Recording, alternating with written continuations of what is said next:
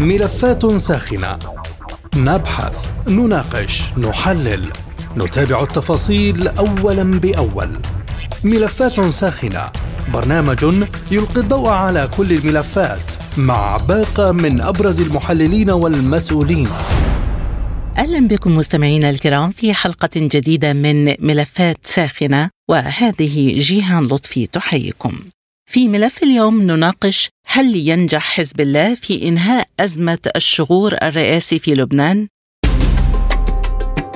أعلن نائب رئيس المجلس التنفيذي في حزب الله الشيخ علي دعموش أن حزب الله منفتح على أي مبادرة حوارية بناءة تؤدي إلى إنجاز الاستحقاق الرئاسي وقال الشيخ دعموش إن إنجاز الاستحقاق الرئاسي هو مفتاح الحلول والخروج من الأزمات مشيرا إلى أن الحزب تفاعل مع المبادرة الفرنسية التي يقودها المبعوث الفرنسي جان إيف لودريان ورحب بدعوة رئيس مجلس النواب نبيه بري للحوار وتحاور أيضا مع التيار الوطني الحر ويعمل بجد من أجل الوصول إلى تفاهمات مشتركة. كانت ولاية رئيس الجمهورية السابق العماد ميشيل عون انتهت في أكتوبر الماضي ويعيش لبنان منذ ذلك الحين مرحلة من الشغور الرئاسي ولم يتمكن المجلس النيابي من انتخاب رئيس جديد للجمهورية بعد 12 جلسة خصصت لهذا الشأن فهل ينجح حزب الله في إنهاء أزمة الشغور الرئاسي في لبنان؟ حول هذا الموضوع تدور نقاشاتنا في حلقة اليوم من ملفات ساخنة. يسعدني في البداية أن أرحب بضيوفي في حلقة اليوم من لبنان الكاتب والباحث السياسي الأستاذ ميخائيل عوض. من لبنان أيضا معنا الكاتب والمحلل السياسي الأستاذ سركيس أبو زيد ومن مصر معنا الدكتور مختار غباشي نائب رئيس المركز العربي للدراسات السياسية والاستراتيجية. مرحبا بكم ضيوفنا جميعا.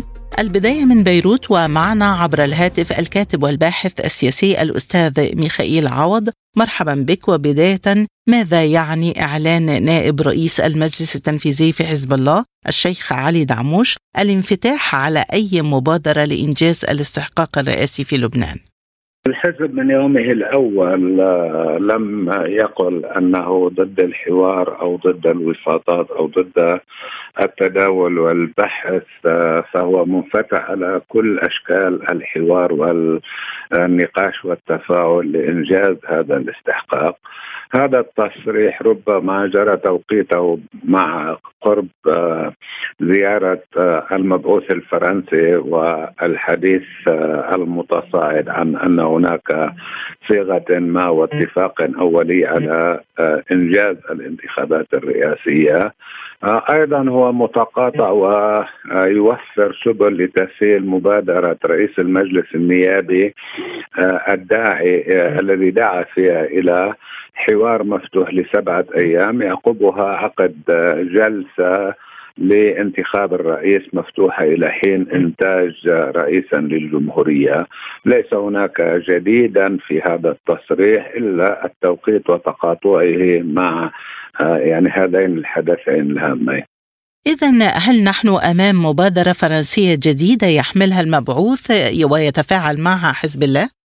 المبادرة الفرنسية ليست جديدة. أظن ما زلنا عند العلامات الأولى للمبادرة التي طرحت. هناك تفاهم عميق بين الفرنسي والإيراني ومع الثنائي الشيعي على توفير الشروط والسبل لإنعقاد جلسة دستورية تنتج انتخابات المرشح الذي تبناه الثنائي الشيعي هو الوحيد الذي تتوفر له فرصة أن يكون رئيس جمهورية ولو ب 66 صوت يعني بالنصف زائد واحد بعد عام كامل وإخفاق 12 جلسة برأيك هل هناك متغيرات تجعل مشكلة الشغور الرئاسي في لبنان مشكلة من الماضي بتفاعل حزب الله معها مؤخرا؟ المتغيرات حتى الآن آه، دعيني أقول عنها آه، يعني تراكميه كمية وليست لم يحصل حدثا نوعيا يغير التوازنات. آه، سنة من الفراغ ثبت للقوى المعارضة لانتخاب سليمان الفرنجيه والتعطيلية وجلها في الكتلة المسيحية. أن كل يوم من الفراغ تخسر هي يخسر المسيحيون آه، مواقع ومكانة ودور آه، يتمسك الثنائي الشيعي بشروطه. الثنائي الآن هو الحاكم الفعلي للدولة في لبنان. يجري تسيير الدولة تحت يعني في حقبة الفراغات واستمرارها آه، بما آه، يحقق ويلبي مصالح هذا الثنائي على كل المستويات. استمرار الفراغ آه، لا يفيد أحدا عمليا سوى ما ما يعني ما له عناصر الإدارة والتحكم. حتى الآن ليس هناك أحدا قادر على أن ينافس الثنائي الشيعي لا في القوة السياسية ووحدة الطائفة ولا في القوة العسكرية. أي بمختلف عناصر القوة التي يملكها البيئة الإقليمية خاصة المصالحات الإسلامية الإسلامية إيران والسعودية والمصالحة العربية والحاجة إلى تثبيت حقبة من الاستقرار تؤسس لإطلاق يعني حوار وتفاعل إعادة صياغة الإقليم على قاعدة هذه التحولات الفرط استراتيجية التي جرت. تدفع باتجاه انهاء الملف اللبناني وتبريد الساحات التي كانت مسارح اشتباك عربي عربي أو إسلامي إسلامي. هذه ما ربما هي القوة الفاعلة والتي تدير التحولات وربما أصبحت أكثر يعني حاجة أو ضغطا لإنهاء الملف اللبناني. طبعا هناك حدث هو لا يرتقي إلى أن يكون حدث نوعي يغير لكنه هام. عزز آه، الاتجاه الذي آه، يعني تم ترسيخه بالمصالحة الإيرانية السعودية بأن العلاقات ذاهبة إلى آه، مزيد من التصالح وليس الانكسار والعودة إلى نقطه الصفر كما حاولت بعض الوسائل الإعلامية والأجهزة ترويجها قصدت زيارة اللهيان إلى السعودية لقائه مع محمد بن سلمان زيارته سوريا ولبنان. ربما هذا يعني من الأحداث وأؤكد انها هي تطورات كمية وليست أحداث كبيرة ونوعية. آه، تسهم في تسريع آه، دفع اللبنانيين لإنجاز آه، انتخابات رئاسيه توفر الأسباب والشروط لاحتواء الأزمة وتبريد الأزمات. ولكن لماذا حذر دعموش أطراف من المقاطعة وهل يقصد اطرافا بعينها بهذا التحذير؟ لا المقاطعة يعني تتصدى لها بصورة أساسية القوات اللبنانية مع الكتائب وبعض الفصائل آه، في الساحة المسيحية. آه، موقف جبران باسيل والتيار الوطني الحر هو في حالة ارتباك آه، بسبب ما أوقع نفسه به من تناقضات وما لحق بدوره ومكانة التيار وتحالفاته من خسائر. القوى التعطيلية هي القوى التي سترفض آه، انعقاد جلسة لمجلس النواب مفتوحة آه، إلى حين انتخاب رئيس للجمهورية وبالمناسبة هذا نص نص دستوري بالدستور اللبناني إنجاز الاستحقاق الرئاسي بدعم من حزب الله إلى أي مدى يمكن أستاذ ميخائيل أن ينتقل بالمواجهة بين الحزب وإسرائيل من مواجهة على الساحة الإعلامية والسياسية إلى مواجهة ميدانية حقيقية؟ لا أظن أن هناك علاقة سببية بين المسألتين. الحزب إذا كان هناك رئيس جمهورية وهناك حكومة أو لم يكن وضع يعني أكمل جاهزيته واستعداداته وأعلن انتقاله إلى الحقبة الهجومية. وأن هدف أي حرب حتى لو كانت أيام قتالية وجولات هو العبور ويعني أنجز المناورة النوعية بجبل الريحان آه، التي جرى الحديث عنها كثيرا وكان هلا كل عناوين حركته ونشره لقوة الرضوان. وخطابات سيد حسن نصر الله تتحدث عن أمر وحيد هي أننا سنعبر ونحرر شمال فلسطين. وهذا يعني في حال كان هناك رئيسا أو لم يكن كانت هناك حكومة أو لم تكن الأمر في هذا السياق نجح حزب الله ب يعني عزل آه، الأحداث الداخلية وتطوراتها عن استعداداته للحرب مع إسرائيل. من بيروت الكاتب والباحث السياسي الأستاذ ميخائيل عوض كنت معنا شكرا جزيلا لهذه الإيضاحات.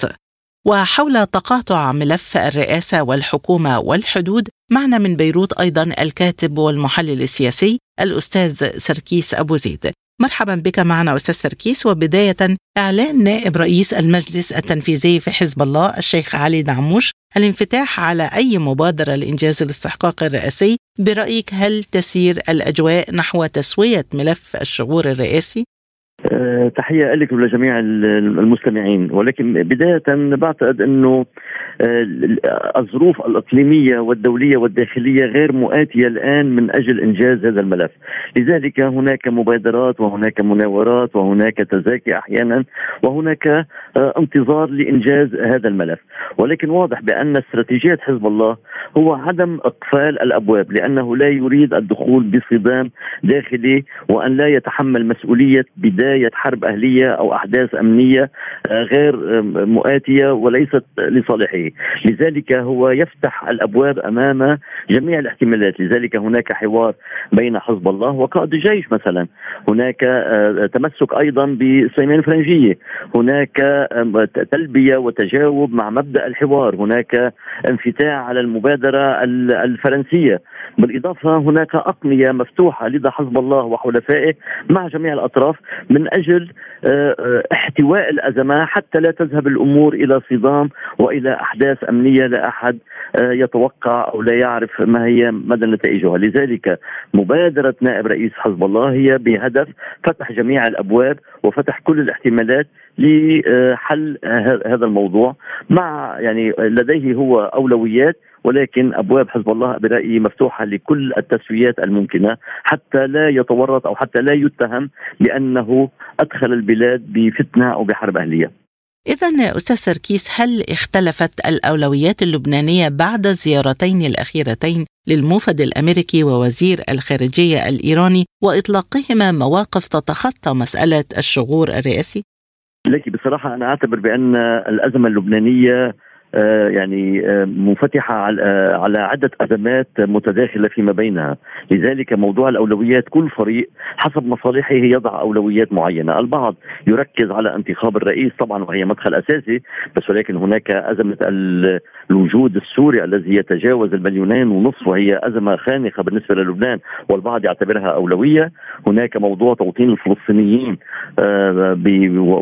وما نشهده بالمخيمات يدخل أيضا ضمن هذا هذا السياق. هناك أزمة سياسية وأزمة اقتصادية اجتماعية خانقة. هناك وضع اقتصادي ومالي خطير. البعض يعتبره هو أولوية. لذلك الأولويات تعود إلى كل فريق ولكل طائفة ولكل مذهب حسب مصالحه وحسب ما يراه يخدم مصالحه. أنا برأيي المشكلة في لبنان بأن اللبنانيين غير متفقين على الأولويات الوطنية أو أولويات الانقاذ، لذلك مطلوب أن يكون هناك حوار جدي وعميق لتحديد هذه الأولويات ولتوحيد المواقف من أجل إيجاد حل لا يؤدي إلى خراب لبنان وإلى آه، يعني آه، أزمة كبيرة أكبر من حجمه بسبب هذه الظروف الإقليمية والدولية التي تمر بها المنطقة ولكن إلى أي مدى يرتبط إعلان حزب الله الأخير بالتفاهمات الأخيرة بين إيران والسعودية على المستوى الإقليمي؟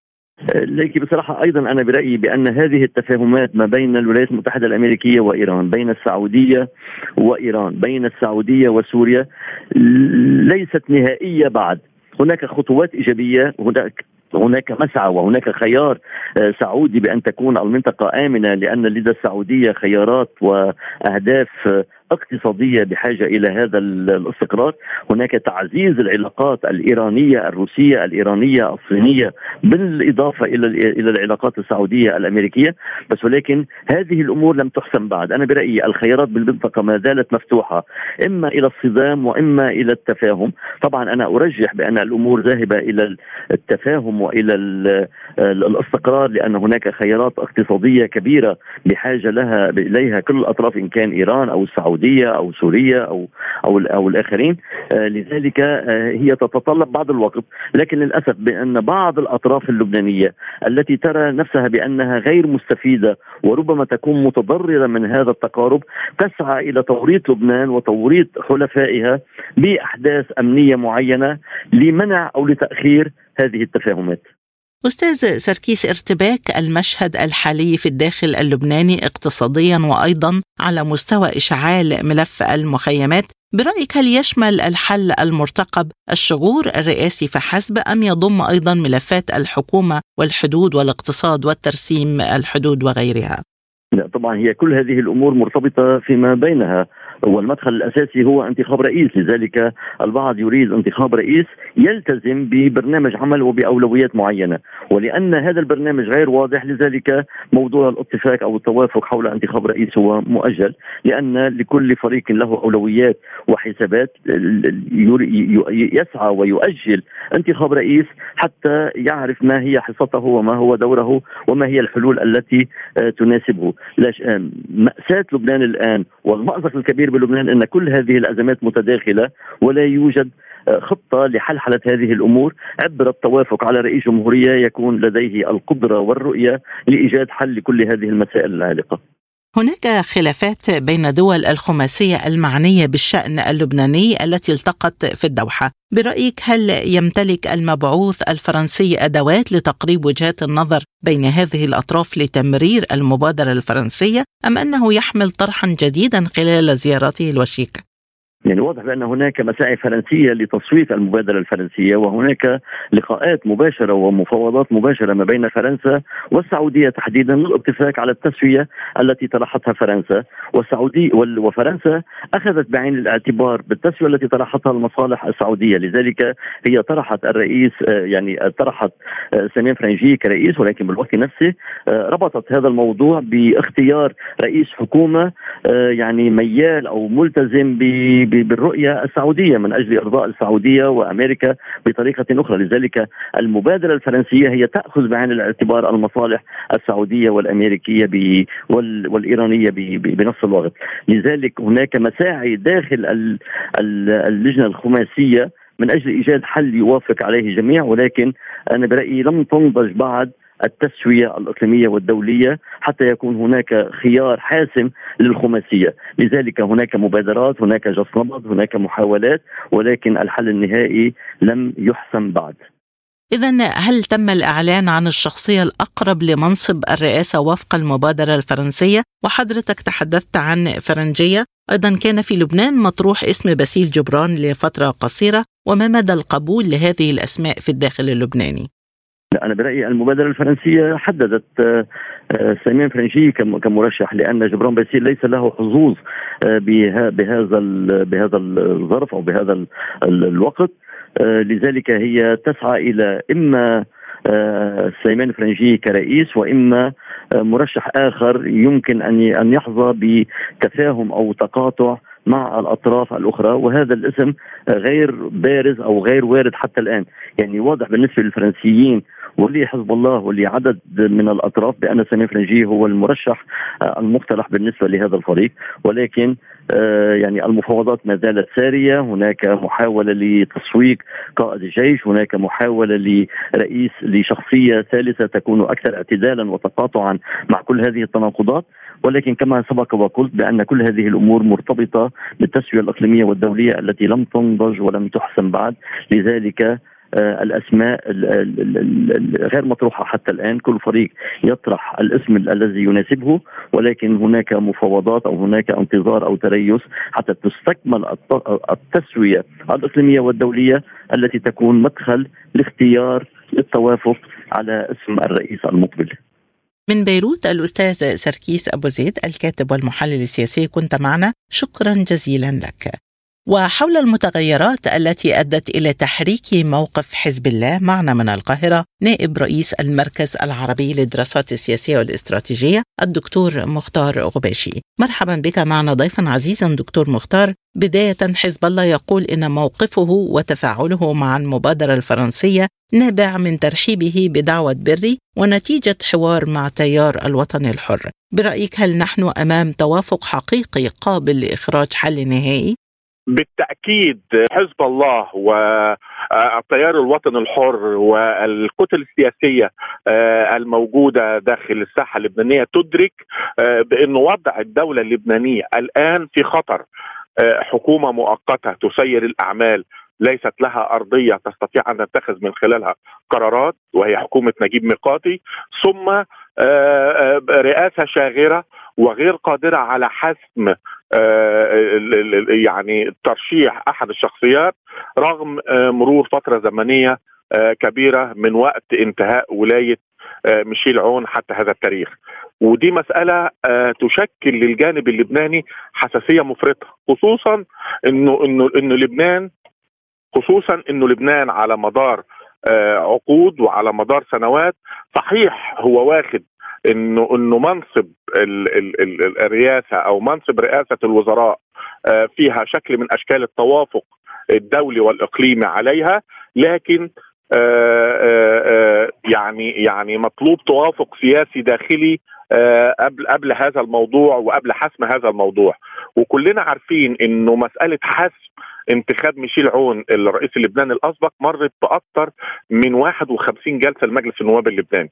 ودي مسألة صعبة جدا على الواقع اللبناني الداخلي. فانفتاح حزب الله على المبادرة الفرنسية بالتوافق مع التيار الوطني الحر وهو هناك توافق كبير ما بينهم أنا متصور أنه يعني من الممكن أنه يكون طرح الطائفة السنية إن صح التعبير ببقية الأحزاب التقليدية المحسوبة على المسيحية المارونية وغيره تحسم مسألة انتخاب الرئيس اللبناني خلال المرحلة القادمة لأنها مطلوبة وملحة في ذلك. إذا دكتور بدخول حزب الله على خط أزمة الشغور الرئاسي ما هي فرص التوصل لحل للأزمة المستمرة لمدة عام تقريبا؟ وخاصة أن الحزب يجري حاليا اتصالات للترويج لمرشح المبادرة الفرنسية سليمان فرنجية شوفي هقول لك حاجة. ال ال ال ال أن أن يكون حزب الله منفتح على هذا الموضوع ده شيء جيد جدا. وصعب جدا ويكاد يكون مستحيل أن يمرر انتخاب رئيس الوزراء والرئاسة اللبنانية دون موافقة ضمنية من حزب الله، لازم نقر هذا المبدأ لأن هو أحد الكتل السياسية المعقدة في الداخل اللبناني بجانب إنه كتله مسلحة الكل يدرك حساسية موقفها في الداخل اللبناني وفي خارج الدولة اللبنانية. هذا أمر. الأمر الثاني إن التوافق ما بين 14 آذار وما بين 8 آذار في الداخل اللبناني ما بين الكتلة السنية وما بين الكتلة المنوئه ليها أو الموازية أمامها وهي كتلة حزب الله والتيار الوطني الحر التوافق ما بينهم يعني أنا متصور يمرر كثير جدا من الأمور المعقده في الداخل اللبناني. مسألة حسم انتخاب سليمان فرنجيه أو أي مرشح آخر إحنا عارفين ابتداء إن سليمان فرنجيه هناك شكل من أشكال الأريحية بالنسبة لحزب الله والتيار الوطني الحر عليه. إشكاليتك في التكتلات السياسية آه الأخرى. آه وليد جنبلاط آه صعب جدا تجاهله سمير جعجع صعب جدا تجاهله الكتلة السنية بتشابكاتها وشخصياتها صعب جدا تجاهلها خصوصا إنه قيل في وقت من الأوقات إنه قد يحسم هذا المنصب لا سليمان فرجية. ولا أي شخص آخر قد يكون قائد الجيش اللبناني هو الأوفر حظا إذا ما احتدم الخلاف أو إذا لم يوجد توافق حوالين اسم واحد. بالحديث عن هذه النقطة هل بات حزب الله أيضا هو صاحب الحل والربط في كل ملفات لبنان الشائكة والخلافية؟ يعني سمعنا ترسيم الحدود لم يمر من دون موافقة الحزب وكذلك الآن الاستحقاق الرئاسي معطل منذ عشرة أشهر بانتظار تدخل الحزب طبعا حزب الله طرف المعقد داخل الساحة اللبنانية ومعلوم للقاسي والداني ومعلوم للأطراف الإقليمية والأطراف الدولية إن صعب جدا تمرير هاتين المنصبين منصب رئيس الوزراء ومنصب الرئاسة اللبنانية دون التوافق ودون إقرار من حزب الله. معلوم. ومعلوم إن الجناح السياسي لحزب الله وهو زعيم حركة أمل نبيه بري رئيس مجلس النواب اللبناني هو المتحدث الأساسي باسمه وهو الراسم لسياسات حزب الله سياسيا في الداخل اللبناني اللبناني وربما خارجه. صعب قوي إنك أنت تمرر لأنك أنت لما بتتكلم عن حزب الله بتتكلمي عن حزب الله وحركة أمل نبيه بري. ولما بتتكلمي عن الاثنين بتتكلمي عن الطرف الآخر المتوافق معاه داخل الساحة اللبنانية وهو التيار الوطني الحر. ف... ف... وجبران باسيل بالذات. فأنت عندك آه توافقات إلى حد ما معقدة. لكن تمرير أي منصب مهما كانت حساسيته في الداخل اللبناني صعب جدا أن يمر دون موافقة ضمنية أو صريحة من حزب الله. في وجود معارضة من أطراف رئيسية وتناقضات في التحالفات بين التيار الوطني الحر والكتائب وغيرها ما هي فرص نجاح جهود حزب الله للترويج لمرشح المبادرة الفرنسية؟ الفرصة مش صعبة ومش مستحيلة لأنه الأطراف الداخلية اللبنانية آه، من وقت انتهاء على فكرة الحرب الأهلية آه، في لبنان يعني آه، سمير جعجع لم يتغير ووليد جنبلاط لم يتغير ونبيه بر لم يتغير وآل الحريري ككتلة سياسية مهيمنة على الكتلة السنية في الداخل اللبناني إذا كان المرحوم رفيق الحريري أو من بعده ولده سعد الحريري لكن السنيورة و وغيره من الشخصيات فؤاد السنيورة وغيره من الشخصيات السياسية المحسوسه المنصوبه على الطائفة السنية آه، ما زالت ثقلها موجودة وحتى لما حبت رئاسة الوزراء آه، أن تخرج بره الأسماء التقليدية آه، المعروفة وآتت بحسان دياب كرئيسا لوزراء لبنان فشل. وإحنا عارفين في وقت حسان دياب حصل انفجار مرفأ بيروت وهو أحد الشخصيات اللي مطلوب التحقيق معاها في هذا الشأن. فأنت ما زالت الساحة اللبنانية آه، معقدة بحكم الطائفية آه، السياسية الموجودة فيها وبحكم الشخصيات المهيمنة على ساحة الأحزاب السياسية خصوصا إنها شخصيات تقليدية ورثت هذه الأحزاب بشكل أو بآخر وتحكمت فيها وما زالت ثقلها موجود. وصعب جدا أن يمرر حتى التشكيلة الوزارية دون أن يكون هناك توافقات بين هذه الشخصيات السياسية. ومعلوم في الداخل اللبناني أن الشخصيات السياسية المتحكمة في المشهد هي موجودة وما زالت موجودة منذ عقود ومنذ سنوات حتى هذا التاريخ. لا تخرج عن نبيه بري ولا تخرج عن وليد جنبلاط ولا تخرج عن سمير جعجع ولا تخرج عن حتى الكتلة المسيحية المارونية. اللي ميشيل عون وتيار الوطن الحر محسوب عليها لكن الكتل, الكتل الأخرى من الممكن أن يكون هناك توافق تام في النهاية على اسم واحد إذا رأوا إن هذا الموضوع هيحدث خلل كبير داخل هذه الطائفة. لكن تظل شكل الطائفية السياسية وشكل الشخصيات المهيمنة عليها وشكل التحالفات وإن ظهرت للعلن إن تحالفات الضدات في وقت من الأوقات. يعني من يقر مثلا أن آه، أن حزب الله اللبناني يتوافق مع التيار الوطني الحر ومعلومه التيار الوطني الحر مسيحية مارونية وهذا آه، إسلامية شيعية. لكن هناك توافق ما بين الطرفين بحكم المصالح وبحكم إنه الاثنين بيشكلوا سند حقيقي وبيشكلوا كتلة لا يستهان بها في الداخل اللبناني. أخيرا دكتور أثبتت الوقائع السابقة أن الفرنسيين لا يستطيعون وحدهم إدارة حوار التسوية للاستحقاق الرئاسي برأيك هل بات الطرف الأمريكي الأكثر تأثيرا في الملف اللبناني؟ آه لا أنا وجهة نظري ما زال الطرف الفرنسي حاضرا آه، وله أرضيته وله مؤيديه ومريديه آه، في الداخل اللبناني حتى وإن تبينت المواقف آه، السياسية تجاهه. لكن طبعا الولايات المتحدة الأمريكية آه لها دور. لكن أنا من وجهة نظري الدور الفرنسي أكبر. المملكة العربية السعودية لها دور. لكن حجم علاقة إيران بحزب الله عامل واقع أكثر تاثيرا. لكن الأطراف الإقليمية والدولية المؤثرة في الداخل اللبناني معلومة سلفا الولايات المتحدة الأمريكية آه، بجانب الفرنسويين ثم الإيرانيين بجانب السعوديين هم الأطراف الأكثر تاثيرا في الداخل اللبناني وأنا متصور إنه مشاهد حراك كثير جدا من الأمور السياسية في الداخل اللبناني لابد أن تمرر من خلال هؤلاء. بحديثي إلى نائب رئيس المركز العربي للدراسات السياسية والاستراتيجية الدكتور مختار غباشي نكون وقد وصلنا إلى ختام حلقة اليوم من ملفات ساخنة. للمزيد زوروا موقعنا على الإنترنت سبوتنيك dot AE. مستمعينا بهذا نصل وإياكم إلى نهاية هذه الحلقة من برنامج ملفات ساخنة. طابت أوقاتكم وإلى اللقاء.